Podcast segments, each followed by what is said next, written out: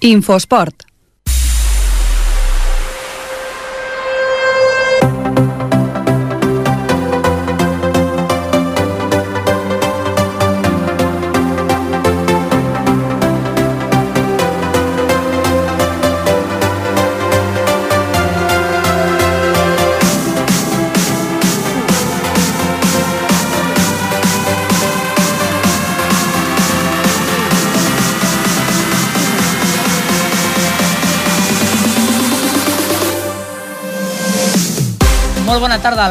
7 i 10 comencem una nova edició de l'Infoesport, el programa que us repassa l'actualitat esportiva de Ripollet.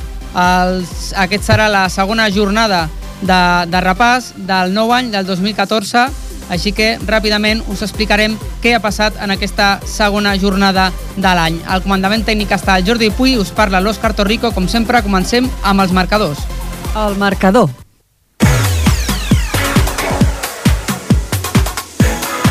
I per fer aquest repàs tenim amb nosaltres a la nostra companya, la Mèriam Lara. Mèriam, bona tarda. Bona tarda.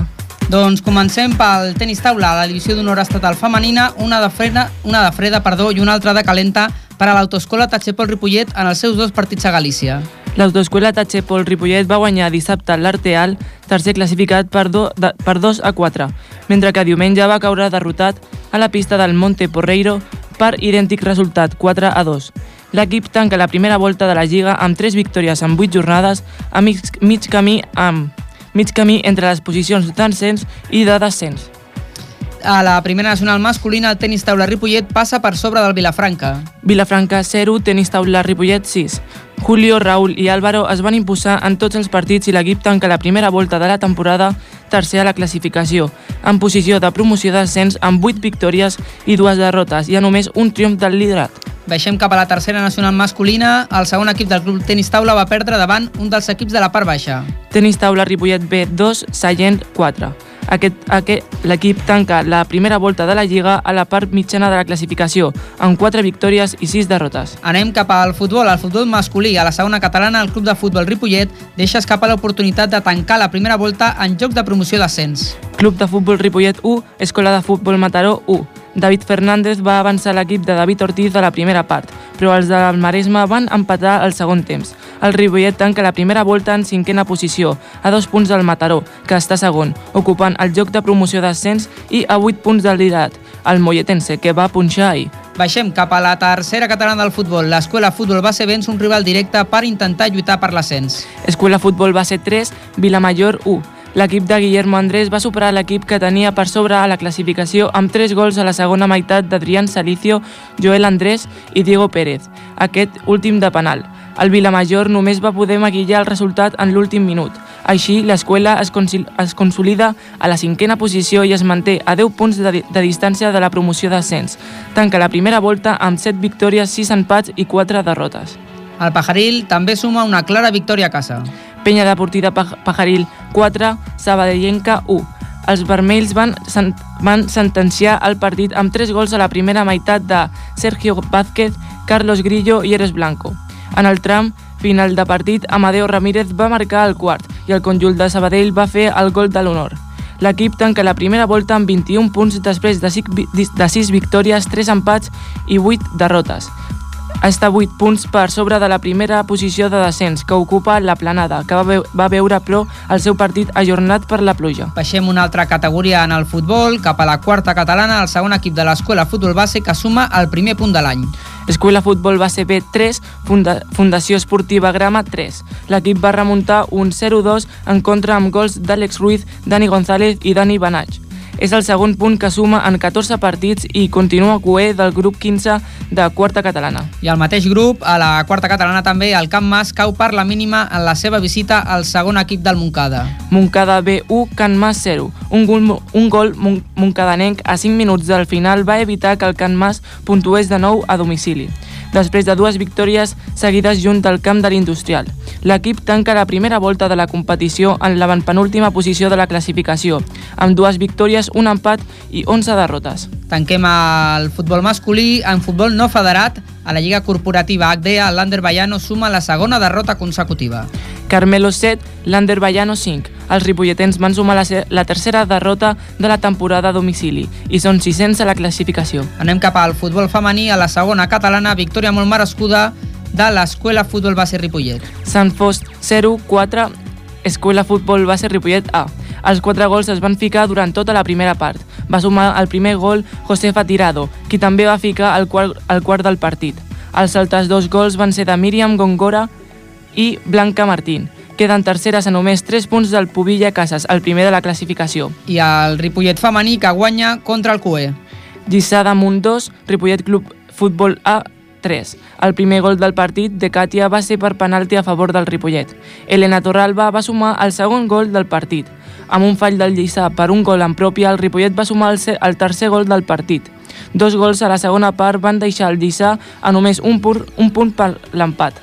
Canviem d'esport. El futbol sala, tercera divisió nacional. El futbol sala Ripollet es proclama campió d'hivern. Futsal Vilassar de, de Mar 2, Futbol Sala Ripollet 5. Un triomf clar amb gols de Toni Moreno, Òscar Prieto, Manel Campos i dos de Juan Martín. A falta d'una jornada per acabar la primera volta de la Lliga, l'equip consolida el seu liderat. Suma 35 punts, 5 més que Barceloneta i Parets i 6 més que el Lliçà d'Amunt, el seu propi rival.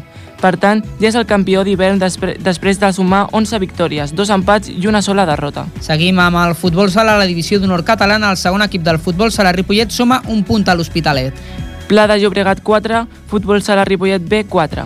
L'equip es va posar per davant al marcador en dues ocasions, però només es va poder emportar un punt del, de l'Hospitalet. Així, baixa un lloc a la classificació i ara és sisè. La seva irregularitat l'allunya a 9 punts del liderat. Continuem a la tercera divisió catalana de futbol sala, on l'Inter Ripollet cau a casa davant un rival directe en la lluita per l'ascens.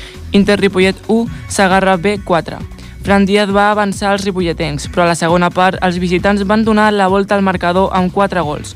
L'Inter Ripollet tanca així la primera volta de la Lliga en sisena posició, amb 7 victòries, 3 empats i altres 3 derrotes. I tanquem el futbol sala amb el repàs a la divisió d'honor catalana femenina, on el Can Clos perd davant un rival directe en la lluita per pujar de categoria. Caldes 4, Can Clos 2. L'equip es va veure amb un 3 a 0 en contra a l'inici de la segona part, però no va baixar els braços i va marcar dos gols que li van donar opcions fins que a l'últim minut va arribar el gol de la sentència. Ara són quarts a 10 punts del líder, l'Hospitalet. Seguim amb l'handbol. A la tercera divisió catalana, l'handbol Ripollet es retroba amb el triomf tres jornades després. Handball Berga 29, Club Handball Ripollet 33. Després de dues derrotes consecutives, l'equip suma la vuitena victòria en 10 partits i es manté a la segona plaça de la classificació. Seguim amb el bàsquet, a la categoria de primera catalana masculina, amb la derrota del sènior masculí fora de casa, contra el Corbera. Corbera 76, Club Bàsquet Ripollet A 67. Últim partit de la primera volta perdut contra un rival aparentment assequible. Continuem a la categoria territorial, on el Lucas Tor suma la seva novena victòria de la temporada. Regina Carmeli Blanc 42, Lucas Toregassó 44. Amb aquesta victòria es situen segons a la classificació a només una victòria del primer, el Club Natació Caldes C. També a la categoria territorial, el segon equip del Gassó segueix amb una victòria.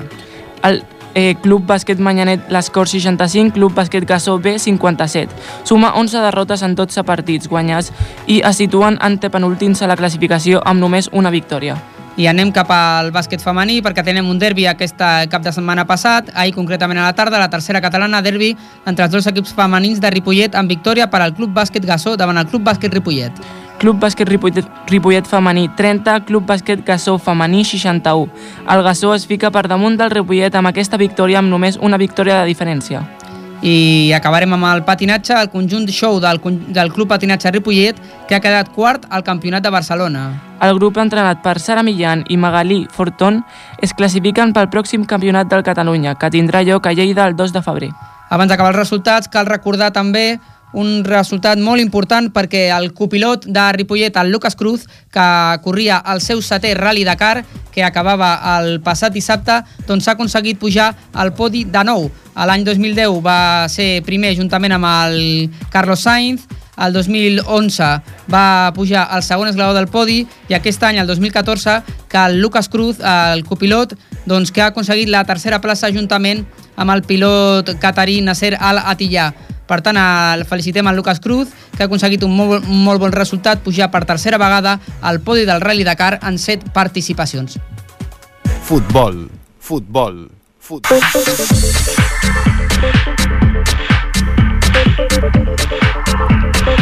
I comencem ja a repassar més a fons el que ha donat de si al cap de setmana. Comencem, com heu escoltat, amb el futbol i amb el nostre company amb el Jordi Soteres. Jordi, bona tarda. Hola, què tal, Òscar? Bona tarda. I repassarem el resultat del Club de Futbol Ripollet, aquest empat contra un rival directe, contra l'Escola de Futbol Mataró.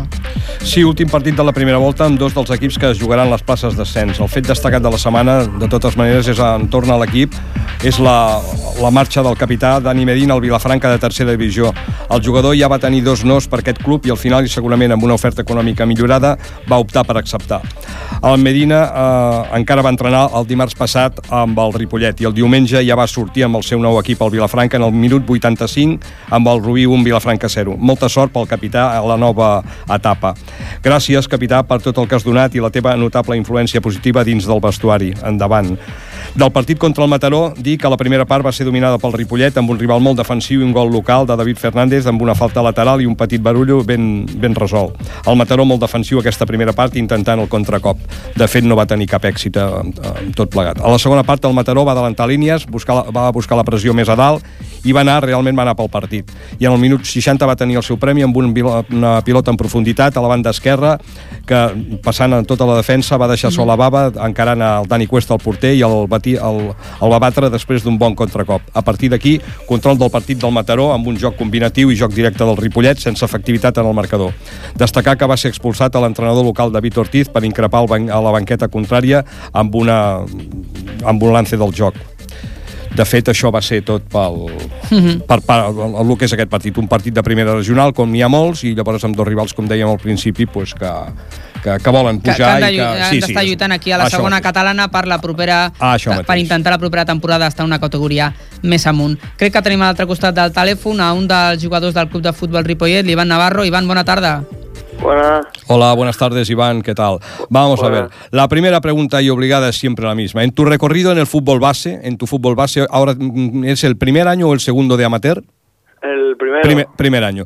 Explícanos un poquito tu recorrido en el fútbol base, desde pequeñito hasta... Fútbol base desde pequeñito en San Gabriel, San Gabriel a San Andreu, San Andreu a Ferran, bueno, Ferran Martorell antes, luego se fusionó Luego con San Andreu.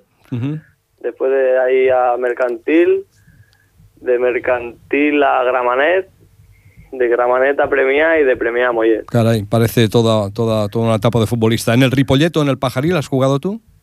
Mm, De Pitufo sí, en el Ripollet. Y enseguida te fuiste de aquí. Perfecto, Sí. ya vi- visto tu historia, un, un historial largo en equipos. Sensaciones del partido de ayer, eh, Nava.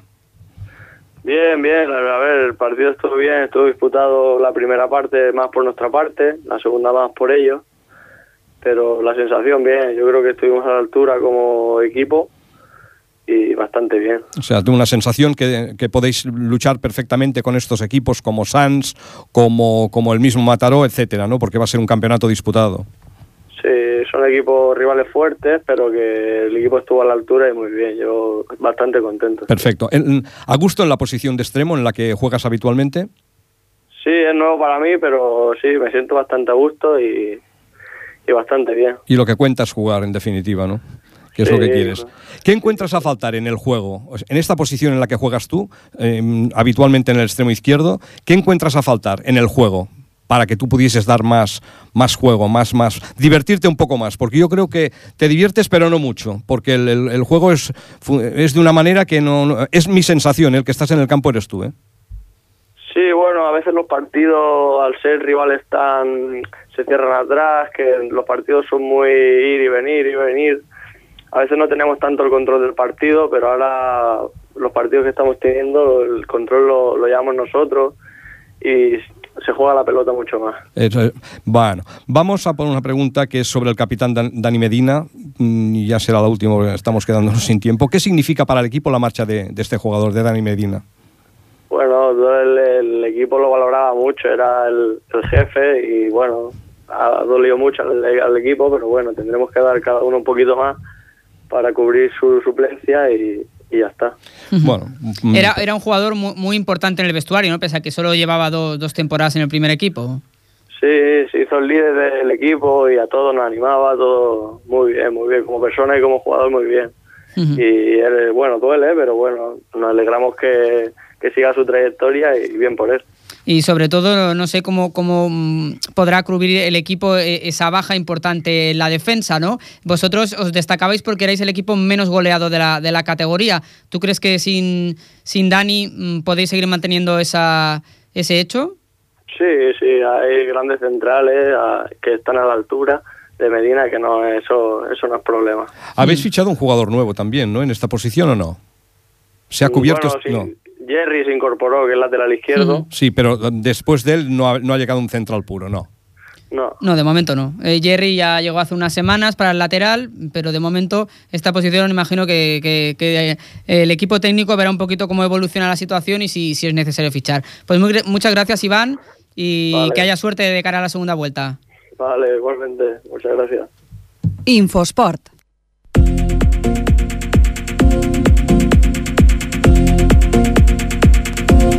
Doncs moltes gràcies al Jordi Moltes gràcies, moltes gràcies. i continuem amb el futbol, baixant de categoria fins a la tercera catalana, perquè, com us comentàvem abans, el Pajaril ha aconseguit una important victòria a casa per 4-1 contra la Sabadellenca. El nostre company, el Marc Mata, va estar veient el, el partit i ens explicarà com va anar. Bona tarda, Marc. Bona tarda, Òscar. Dissabte la penya deportiva Pajaril es va enfrontar a casa contra la de Sabadellenca B, el penúltim classificat, i es va imposar clarament per 4 gols a 1. El partit va estar dominat pels vermells, tot i que l'equip visitant va, va buscar aturar molt el joc amb faltes, algunes no xiulades per l'àrbitre. A la primera part, l'equip ripolletenc va pujar diverses vegades a la porteria visitant, amb diverses ocasions de gol que va poder materialitzar. Ja en el minut 7, Sergio Vázquez va marcar el primer gol en un xut a porteria que va passar per sota de les cames del porter visitant. El mateix Sergio veuria poc després la primera de les tres targetes grogues que l'àrbitre va treure pa- a l'equip local. Els visitants en van rebre 7. En el minut 13, Carlos Grillo va anotar el segon gol ripolletenc d'un fort tret des de fora de l'àrea i en el minut 35 l'Eros Blanco va marcar el 3 a 0. A la segona part, l'equip visitant va sortir amb ganes de donar-ho tot, però el Pajaril no es va deixar sorprendre. En un final de partit d'allò més interessant, el, par el Pajaril va marcar el 4 a 0, en el minut 86 en una jugada acabada per l'Amadeo Ramírez. L'equip de Sabadell només va poder fer el gol de l'honor en el minut 90. Amb aquesta victòria per 4 a 1, el Pajaril es situa 12 de la classificació i amplia fins als 8 punts l'avantatge sobre els jocs de descens directe, tot i que dos partits es van suspendre per la pluja. L'equip, però, està protagonitzant una lliga molt irregular, amb un bon bagatge a casa, on ha sumat 17 punts, però només 4 com a visitant. Quan va acabar el partit vam parlar amb Ismael Chamón i això és el que ens va dir. Buenas tardes, eh, lleváis seis partidos ganados, ocho, per- ocho perdidos y tres empatados. Aunque la semana pasada perdisteis, hoy habéis ganado, supongo que estaréis contentos. Sí, es una victoria importante porque estamos en medio de la tabla y queremos luchar en- de media tabla para arriba. Media tabla para abajo más, más difícil, la verdad. Eh, habéis ganado, ido ganando durante todo el partido y en, en el último minuto os han metido eh, un gol. Sí, eh, ellos han venido un poquito arriba, nosotros hemos aflojado un poquito. Y dice, pero bueno, a ver, mm, como ya llevamos un resultado favorable, eh, dentro, dentro de lo que cabe, eh, podemos dar gracias que hemos ganado 4-1. ¿Habéis visto difícil el partido?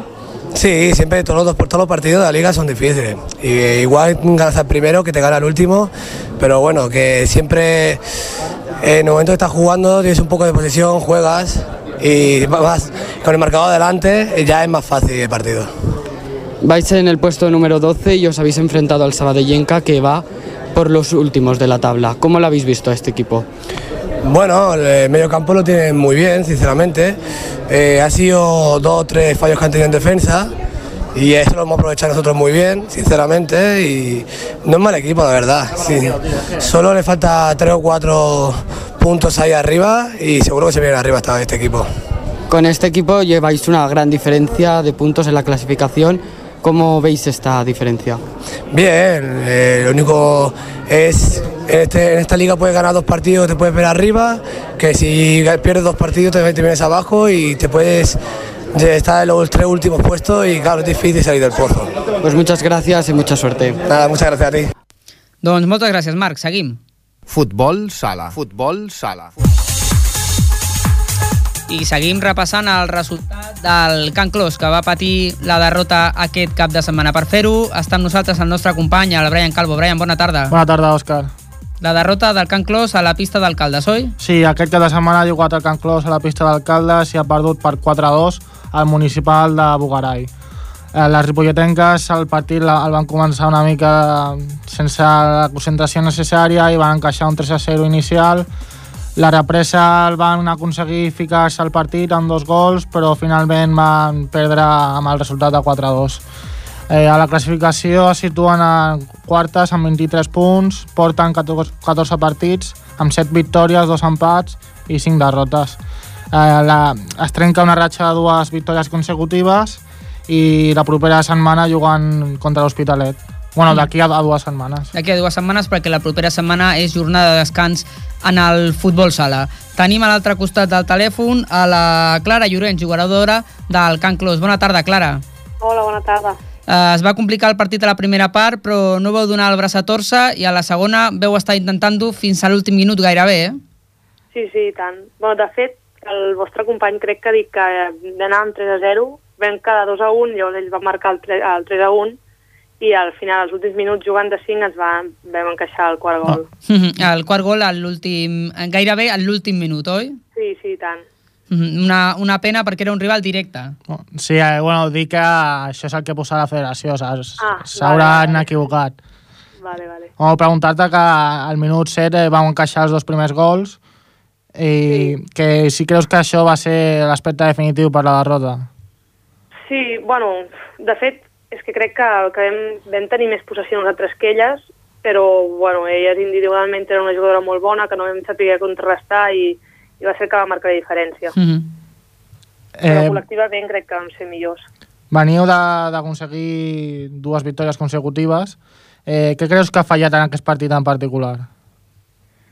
En- Bueno, no sé, la intensitat ha estat molt bé, la, les jugadores hem estat molt ficades durant tot el partit, ja et dic, crec que va ser ni, ni decisions tàcnic, tàctiques ni, ni res, va ser jugadores puntuals que van marcar la diferència. Potser la, la jugadora aquesta que dius que, que va mostrar un bon nivell, no?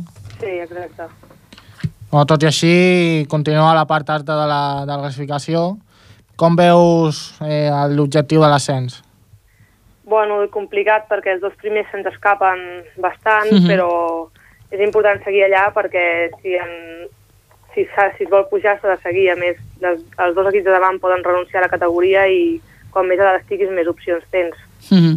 Fins ara portàveu bons resultats a fora i ara amb, amb aquesta derrota eh, es, es canvia una mica la dinàmica. Sí, exacte, però tot i això, si un partit no, no ens farà canviar la mentalitat, nosaltres seguirem treballant per assolir l'objectiu. I el proper partit contra els líders, l'Hospitalet, eh, quines opcions creus que té l'equip per, per aconseguir la victòria i retallar punts? Bueno, si, segui, si sortim intenses i com nosaltres sabem jugar, tenim opcions per puntuar i més juguem a casa. Però ara, si baixem la intensitat, ens trobem un equip vulnerable totalment. Així que jo crec que depèn de nosaltres. Doncs us desitgem que, que com dius, doncs, eh, poseu totes les forces i, i acabeu aquesta primera volta de la competició amb una victòria que segur que és important per encarar la segona volta. Doncs moltes gràcies, Clara, i bona tarda. Gràcies. Vale, gràcies a vosaltres. Adéu. Cara i creu.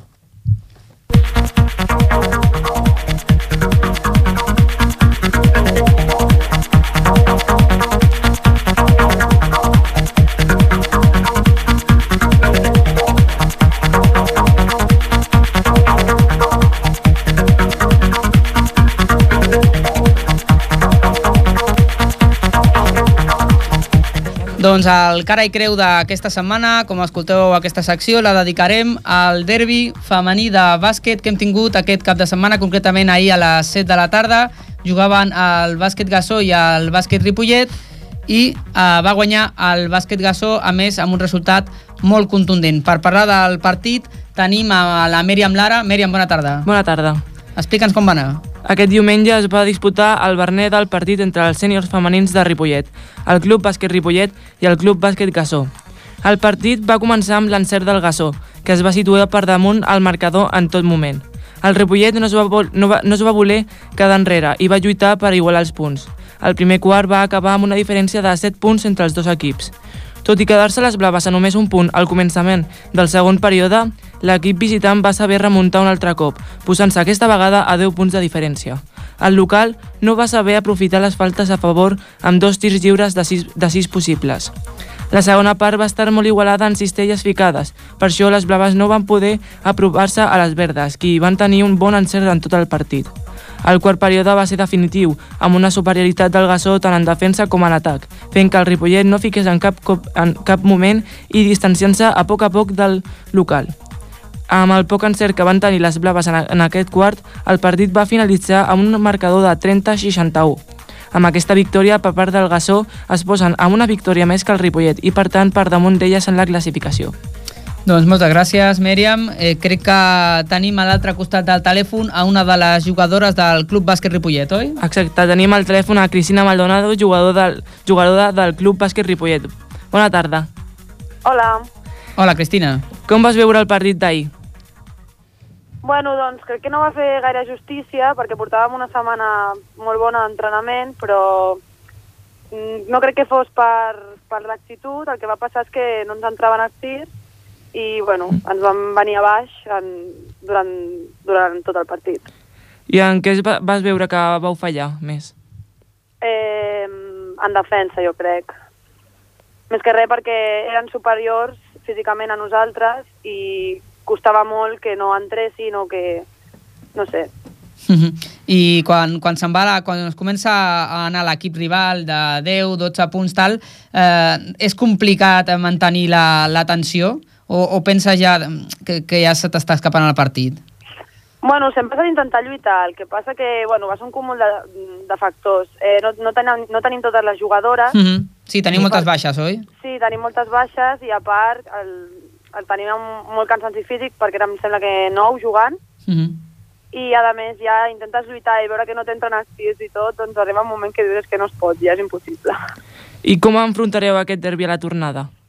Bueno, doncs amb moltes ganes, igual que el partit d'ahir i bueno, treballarem per millorar les coses que, en les que vam fallar. Mm. La situació doncs, és bastant folgada la classificació, esteu a la zona mitja alta, però creus que podeu tirar més cap amunt o que totes aquestes lesions doncs, provocaran que, que l'equip estigui més a la zona mitja de la classificació? Bueno, jo crec que a partir d'aquí s'han de plantejar bé les coses i intentar potser canviar la manera d'entrenar o jo que sé, i, i intentar mm -hmm. millorar encara més el que fallem i, i aviam si, si així podem, podem arribar a final de temporada pues, de mitja taula cap amunt. Mm -hmm. Doncs a veure si en aquesta segona volta doncs, els resultats acompanyen la feina que s'està fent a l'equip. Moltes gràcies, Cristina. Bona tarda. Bona tarda, adeu.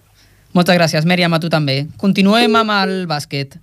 Bàsquet. Bàsquet. I ho fem, i ho fem deia, amb el Club Bàsquet Ripollet masculí, que va perdre el seu partit aquest cap de setmana. Per explicar-nos-ho tenim a la nostra companya, l'Ester Catalana. Ester, bona tarda. Bona tarda, Òscar. Doncs derrota fora de casa també de l'equip del Carles Tatxer contra el Corbera Negra, 76-67. Era un partit important per proclamar-se cocampions d'hivern i, i per acabar la primera volta assegurant-se les primeres posicions de la classificació. De totes maneres, la sort no va estar de la seva part. Vam parlar amb Germán Vázquez perquè ens expliqués una mica com anar el partit. Vam arribar ja amb la sensació de que eixen de la part baixa de, de la Lliga, que seria un partit fàcil, però amb els entrenos que havíem fet tot es va demostrar ja. Vam acabar el primer quart molt bé, guanyant de 10 o així, que vam tindre una bona defensa, un, un atac bastant bo també, però la segona part ens vam relaxar i vam acabar el descans a empat a 40.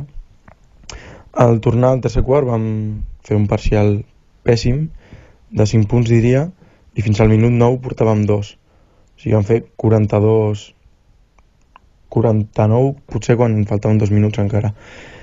I res, a la banqueta no es veien canvis, estàvem jugant malament, no jugàvem als pivots, que teníem molt avantatge perquè teníem l'Antonio, el Víctor, el Piñero, el Gerardo, que posseïen molta força de a baix, però eh, no ho sabíem jugar.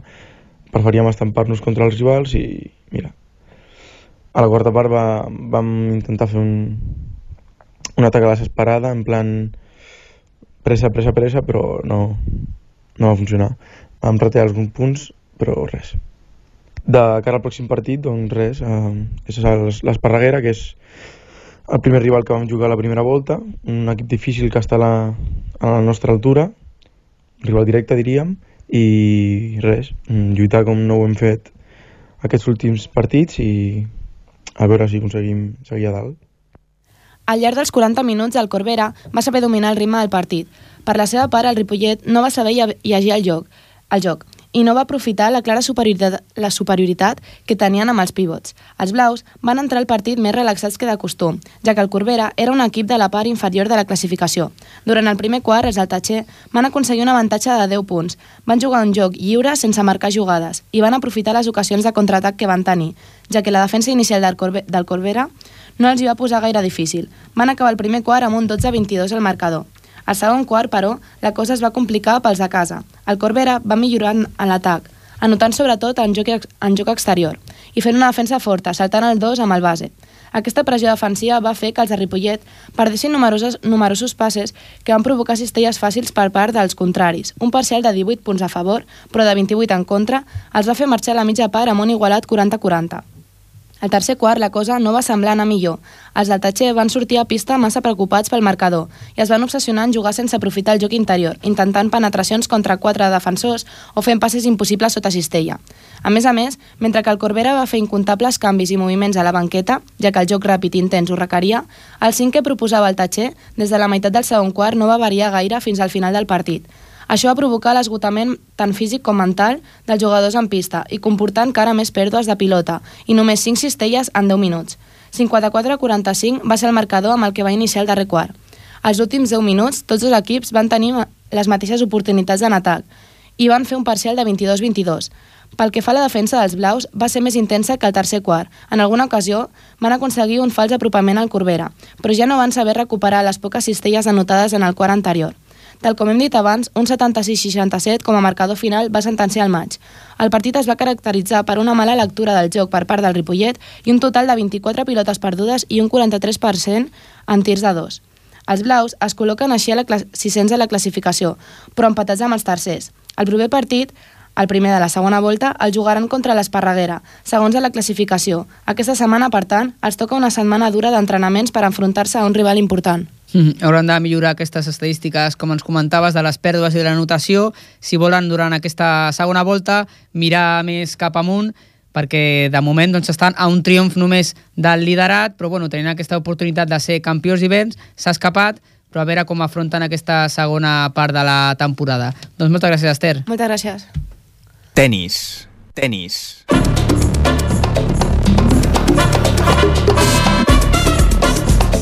Doncs continuem amb un altre esport, amb el tennis, com escoltàveu, i ho fem perquè volem fer un repàs de com ha anat la primera volta de la temporada a la Lliga Catalana de Tenis. Per fer-ho volem parlar amb el president del Club Tenis Ripollet, el Fernando Moya.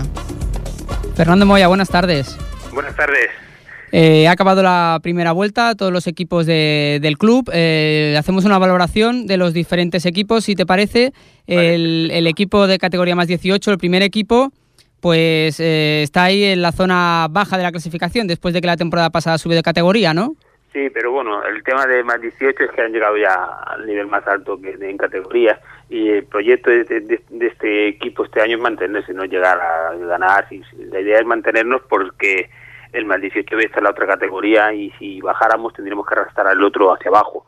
Y la idea es mantener el 18A, mantenerlo ahí. Y yo creo que sí, porque la primera vuelta ha habido algunas bajas que hemos tenido sensibles en algunos en algunos partidos y más o menos creemos y, y es lo que cuentan los chavales que, que se puede mantener tranquilamente. Y aparte ha habido partidos que hemos jugado fuera y este año, eh, la segunda vuelta jugamos en casa que nosotros nuestro factor pizza al ser diferente a la tierra es muy favorable hacia nosotros. Está el equipo con tres victorias y seis derrotas de momento en esta primera vuelta. Sí. Y, y el segundo equipo, pues también está en una situación muy parecida, ¿no? El segundo equipo Sí. más 18.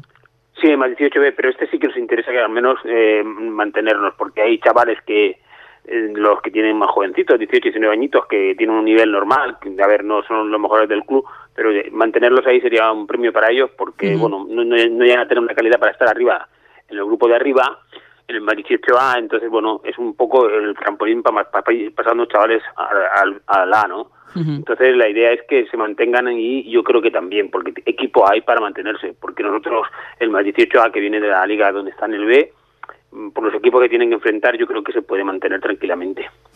Y pasamos a los equipos másters, a más 40 y más 50. El más 40, que de, de momento en la, en la primera vuelta pues no ha conseguido puntuar, ¿no? En más 40 es este año es un poco... eh, el año pasado tuvimos problemas de, de gente eh, con el más 40 y este año la inscripción de hacerlo jugar a la liga era más que nada porque, porque la gente quiere jugar y entonces hemos hecho un equipo no hemos mirado el nivel de eh, tenemos un equipo un poco competitivo pero no el nivel de decir metemos gente más 50 más 40 juntos sino todo el mundo que tiene más 40 es gente que bueno juegan a tenis pero no para el nivel competitivo por eso los resultados que no hemos ganado ninguno pero vamos a divertirnos ¿eh? nos lo pasamos bien que es lo que interesa y intentar competir bueno el año que viene seguramente ya bajamos seguro y la liga de abajo es, es la nuestra porque esta es superior a, a nuestro nivel Es la, actualmente es la segunda categoría, como si dijéramos, sí, ¿no? sí, sí, sí. En cambio, el que está en primera categoría es el equipo más 50, ¿no? Que tampoco van muy bien las cosas. No, pero más 50 se sabía, porque más 50 hay un problema de que, bueno, está, si ves la, la clasificación en más 50, con los equipos que se enfrentan son pff, los mejorcitos que hay en, la- en- en Cataluña. Eh, el son Polo, el Vilanova, Barcelona, de Tenis Barcelona. Ujú. Claro, son equipos muy fuertes, muy fuertes, de más 50 es muy fuerte. Piensa que el Barcelona es campeón de España, el, el, el Polo es subcampeón, son gente muy fuerte y se sabía que va, si subíamos era para, bueno, para que disfrutaran también, para ir a jugar a esos grandes clubes, que es, muy, que es una cosa muy, a ver, una experiencia muy divertida, muy muy buena. Y ir a jugar Ujú. al Barcelona o al Polo o a sitios de ese tipo, la gente se lo pasa bien y son clubes muy, que son interesantes ir a jugar. Y se sabía que, que bueno, y aparte es- son cinco partidos cuando en, el, en la liga el año pasado eran tres, tres partidos y claro, es otra historia, necesitas más gente competitiva, es diferente. Y más 50 se sabía que no que el subir de, de, de grupo hacia arriba a, la- a la primera división, como diríamos, eh, era eso, era decir, bueno, vamos a divertirnos, a disfrutar y ya está.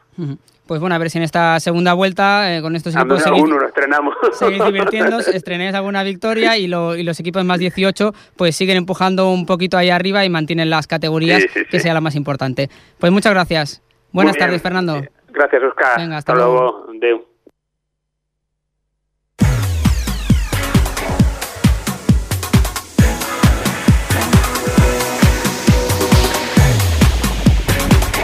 Doncs continuem amb un altre esport, amb el tenis taula ara i amb el nostre company, el Brian Calvo de nou. Bona tarda. Bona tarda, Òscar. Ens explicarà com va anar el cap de setmana per l'autoescola Tachepol Ripollet, que tenia dos afrontaments. Sí, les jugadores ripolletenques han jugat dos partits aquest cap de setmana, un di dissabte i l'altre diumenge. El de dissabte va ser contra l'Arteal i va, va ser victòria ripolletenca per 2 a 4. Les jugadores van començar bé amb dos, dues, dos, els dos primers punts a favor. La Cristina i l'Aina van guanyar 0-2 i, o sigui, 0-3 i 2-3 respectivament. Després dues derrotes de la Ju- Júlia López i la Cristina per 3 a 0 i finalment dues victòries de la Júlia López i l'Aina Mogas 0-3 i 2 a 3. El segon partit, jugat diumenge, contra el Setxa Monteporreiro, van perdre per 4 a 2. Els dos primers partits amb, der amb derrota per 3 a 0, tant la Júlia com l'A- com l'Anna Ibáñez. El, el tercer amb victòria de la Cristina Becu per, per 0-3. Eh, els dos següents per derrota de la Júlia López i la Cristina Vico per 3 a 2 i 3 a 1 respectivament i finalment el segon punt d'honor per l'Anna Ibáñez que va guanyar per 0-3. A la classificació es situa en setena posició amb 8 partits, 3 victòries i 5, 5 derrotes amb 6 punts. La propera jornada juguen a casa aquest diumenge davant l'Arteal un altre cop a les 11 de la, del matí. Sí, perquè comença la, la segona volta de la competició i precisament l'Arteal, que era l'equip millor classificat i que estava al capdamunt de la classificació, doncs les jugadores del Miquel Arnau van poder guanyar i contra el Monteporreiro, que era un equip que estava per darrere d'elles, doncs van, van sumar aquesta derrota. Així que a veure com, com afronten aquesta segona volta de competició i si consoliden aquesta categoria. Doncs moltes gràcies, Brian. Gràcies a tu, Òscar.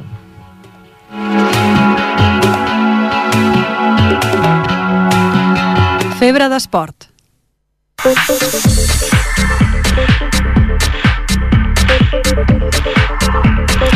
Doncs, com sempre, acabem amb aquesta secció Febre d'Esport en la que us apropem l'experiència esportiva de joves de la nostra ciutat. Avui tenim a un equip infantil de l'Escola Futbol de Ripollet, capitanejat pel seu entrenador, el Roberto Sevillano. Roberto, bona tarda. Hola, bona tarda. I també tenim amb nosaltres quatre jugadors, el Marc Pasqual, el Jordi Marín, el Raúl Toribio i el Kevin Arias. Bona tarda a tots. Bona tarda. Bona tarda. I per fer aquesta entrevista, parlar una mica amb ells, tenim el nostre company, el Jordi Soteras. Jordi, Hola, altra vegada, sí. Bona tarda. vinga, arrenca tu. Bueno, va, som-hi. Roberto Sevillano, mister, eh, ¿qué sensaciones te da este equipo a ti? Uy, la verdad que sensaciones muy, muy buenas. Después de cuatro años con ellos, es una pasada la mejoría que veo en ellos. Cada año van a mejor. Es un grupo muy majo. La verdad que me hubiera gustado que hubieran venido todos, pero bueno. No, un- no nos caben, ¿eh? por eso no vienen todos, pero ya otra vez vendrán otros cuantos. Y precisamente hicimos un sorteo y mira, ha tocado que han venido los tres capitanes del equipo y nuestro pichichi de este año del equipo, que es Raúl Toribio. ¿Sorteo manipulado? No, para nada, para nada. Manipulado. ¿En, en- en qué lugar, ¿En qué lugar se encuentra el equipo en estos momentos? Pues mira, ahora mismo estamos segundos, colíderes, empatados con el Badía, pero con expectativas la verdad que muy buenas. Si no bajan el ritmo, estos chicos pueden lograr lo que se pongan por delante. Mm, Nos comentabas que llevas cuatro años con ellos. ¿Es importante esta continuidad con el mismo equipo, crees, pasando por diferentes Yo, años? yo creo que sí. Yo soy partidario de que un bloque hay que mantenerlo durante muchos años para que en sí sigan jugando bien, sigan mejorando. Y Ahí que se- el entrenador sea el mismo también. Yo opino que sí.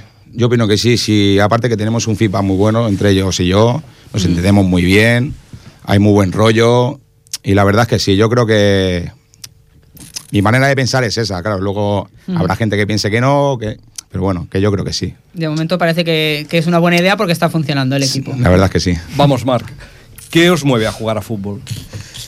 Mm, la pasión de divertirnos y, y tocar el balón sin que el rival pueda hacernos, quitárnoslos. ¿Y alguno de vosotros quiere contestar también sobre esto? ¿Qué os, qué- qué os mueve a jugar a fútbol? Pues que llevamos muchos años juntos y ya nos conocemos cuando tenemos que pasar el balón y eso.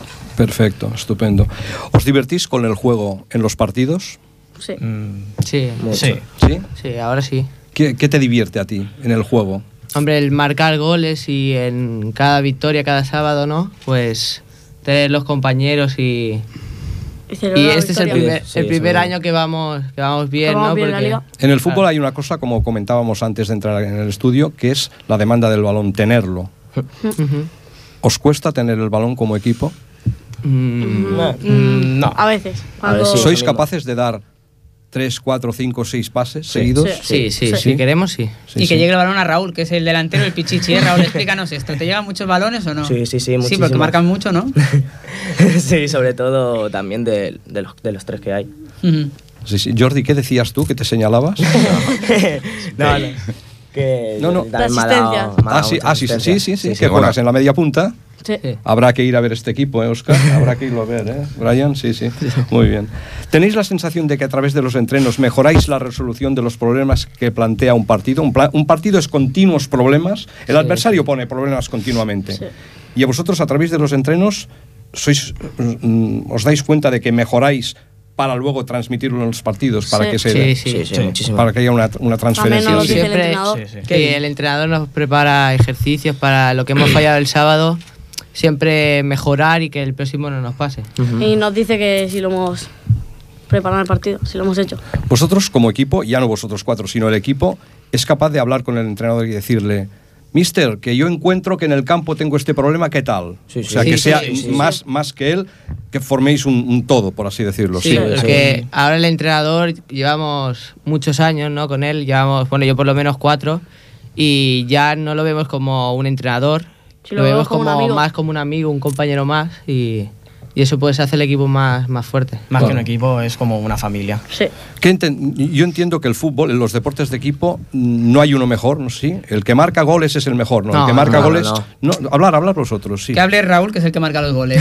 A ver, no, aparte de que marque los goles, sobre todo los demás. en- con que marquemos todos ya, con que ganemos también y marquemos todos ya estamos bien. Porque, por ejemplo, en la celebración de un gol, cuando tú marcas un gol, ¿dónde vas acto seguido? Marcas el gol y luego, luego ¿dónde vas? No, ¿A quién te pues, diriges? A la afición, Ah, al sobre la entrenador, grada y a los compañeros. a los compañeros, sobre todo primero los compañeros. Haz el corazón, haz el corazón, ves.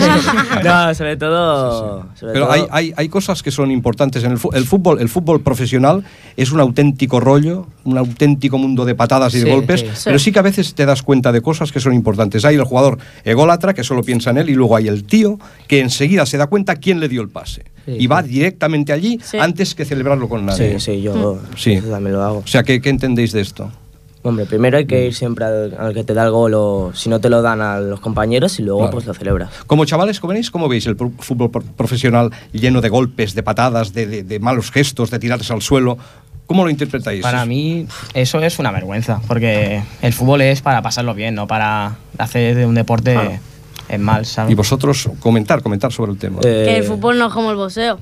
En el fútbol hay que jugar en equipo y intentar marcar los mejores, co- los más... Pero ¿a vosotros qué sensación os da cuando en un partido que veis por la tele veis estas cosas, estas patadas? ¿no? Mal. Como veíamos Mal. ayer, por ejemplo, Porque- en el Atlético de Madrid-Sevilla. Pues que no es un gran ejemplo para los chavales que vienen por detrás. Claro. Y cuando veis un buen jugador como es Cristiano Ronaldo, Messi, estos jugadores finos, Neymar, estos jugadores de esta gran calidad y que reciben patadas una tras otra y sin que el árbitro... ¿Qué sensación os da a vosotros con los 13 o 14 años que Pues tenéis? que estaría agobiado. Tiene que tener una... Pero vosotros como, como, como Debe ser futbolistas... difícil ser jugador de Sí, sí. de élite también. A ¿eh? ti, a ti, Roberto, ¿qué te parece esto? ¿Qué, te pa- ¿Qué sensación te da a ti cuando el buen jugador, este que fichas con, con mucho dinero, es apaleado una y otra vez y sin más, levántese y no sé qué? Es- A mí la verdad es que el fútbol, así como me lo estás contando tú, me parece un poco vergonzoso. Al fútbol se va al fútbol, yo creo. Y hay que jugar. Hay que jugar. Pero sí lo vemos existe, Sí que existen existe las, las faltas tácticas, porque yo, yo lo hablo con, mis con mis jugadores y a ver, sí. les inculco lo que es sí, el fútbol. Este En el fútbol hay faltas tácticas, pero de faltas tácticas a juego sucio hay un paso muy grande. Claro, y tú Vale. como, como entrenador, ¿qué sensación crees que les puede dar a ellos el ver continuamente este fútbol tan agresivo, sobre todo con los jugadores buenos, que son los que cuestan dinero y son los que nos dan espectáculo? Hombre, yo respecto a esa pregunta, yo siempre a veces lo hablo mucho con ellos durante los entrenos, durante los partidos y nunca, nunca he visto ninguna jugada sucia de mis jugadores hacia ningún otro, porque siempre hablábamos mucho que lo que no te gusta que te hagan a ti no se lo hagas a los demás. ¿Me explico? Entonces, lo que, lo que te iba comentando, el bloque es muy sólido, jugamos muy limpio y vamos a jugar a fútbol. De todas maneras, sí que entiendo que el fútbol tiene este punto de agresividad, Sí, ¿no? claro. este punto Sí, de sí. competencia, porque luego hay un duelo, sí, cualquiera de vosotros tiene un duelo con otro jugador, porque al fin y al cabo no es 11 contra 11, los porteros están muy alejados y luego el fútbol es pequeños espacios, un 2 contra 2, un 2 contra 1, un 1 contra 1, un 3 contra 3, sí, esto es lo que, lo que es importante interpretar. ¿Lo interpretáis vosotros? Bueno, No, no, no, no, no, es para hablar, para hablar, sí, sí, sí. Es interesante que vosotros reflexionéis sobre esto, ¿no? Sobre estos pequeños espacios que son los que hacen un partido. A mí, a mí me gustaría que me dijerais también eh, si habéis practicado otro deporte o solo habéis hecho Mm, Bueno, fútbol. Yo cuando era pequeño jugaba tenis, pero nada, Sí. era muy poco. Yo de pequeño practicaba natación y, Sí, natación. y tenis, y luego Ah, ya me vine sí. al fútbol. Ujú. ¿Y, y por qué decidisteis el fútbol? Ya lleváis unos años en el fútbol y ¿qué, qué es lo que, que, que os Pues, llamó? La atención de verlo por la tele, porque Sí. siempre veía, veía fútbol y no veía, no veía tenis y me enganché al Y al final fútbol. te dejas llevar un poco Sí, por, sí, por- sí. por la masa, Claro, ¿no? sí. Y una vez que habéis estado dentro, pues ¿cómo lo, cómo lo habéis vivido? Hombre, es más duro de lo que parece, en verdad. Porque cuando empiezas a jugar a fútbol es un niño pequeño y vas con mucha alegría y en verdad no, no te ves das cuenta de lo que haces. claro, de, que es muy duro llegar a ser, por ejemplo, los futbolistas que están jugando en el Barça, en el. Madrid, el Atlético. Y hay que trabajar mucho. Mucho esfuerzo. De, pero imagino que lo importante para vosotros ahora mismo es divertiros, ¿no? Sí, Eso sí, si sí. tiene que Sobre llegar a alguna todo. cosa, llegará. ¿No? Sí, Sí. divertirnos Muy bien. trabajando. Bueno, Pues se nos acaba el tiempo. Sí, sí, la, Muchas- lástima porque ha sido un placer, ¿eh? Todo esto Sí, estaríamos se nos ha hablando un aquí poquito corto. media hora, una hora tranquilamente. Pero bueno, es muy os, animamos a que si ganáis la liga el año que viene, os queremos aquí otra vez para empezar la temporada, para, para ver cómo empezáis la temporada siguiente. Muchas hecho. gracias Roberto, Marc, Gracias. Jordi, Raúl y Kevin. Gracias por venir. Hasta el próximo lunes a todos los oyentes. Nos reencontraremos aquí a las 7 y 5 para seguir repasando la actualidad deportiva de Ripollet. Buenas tardes.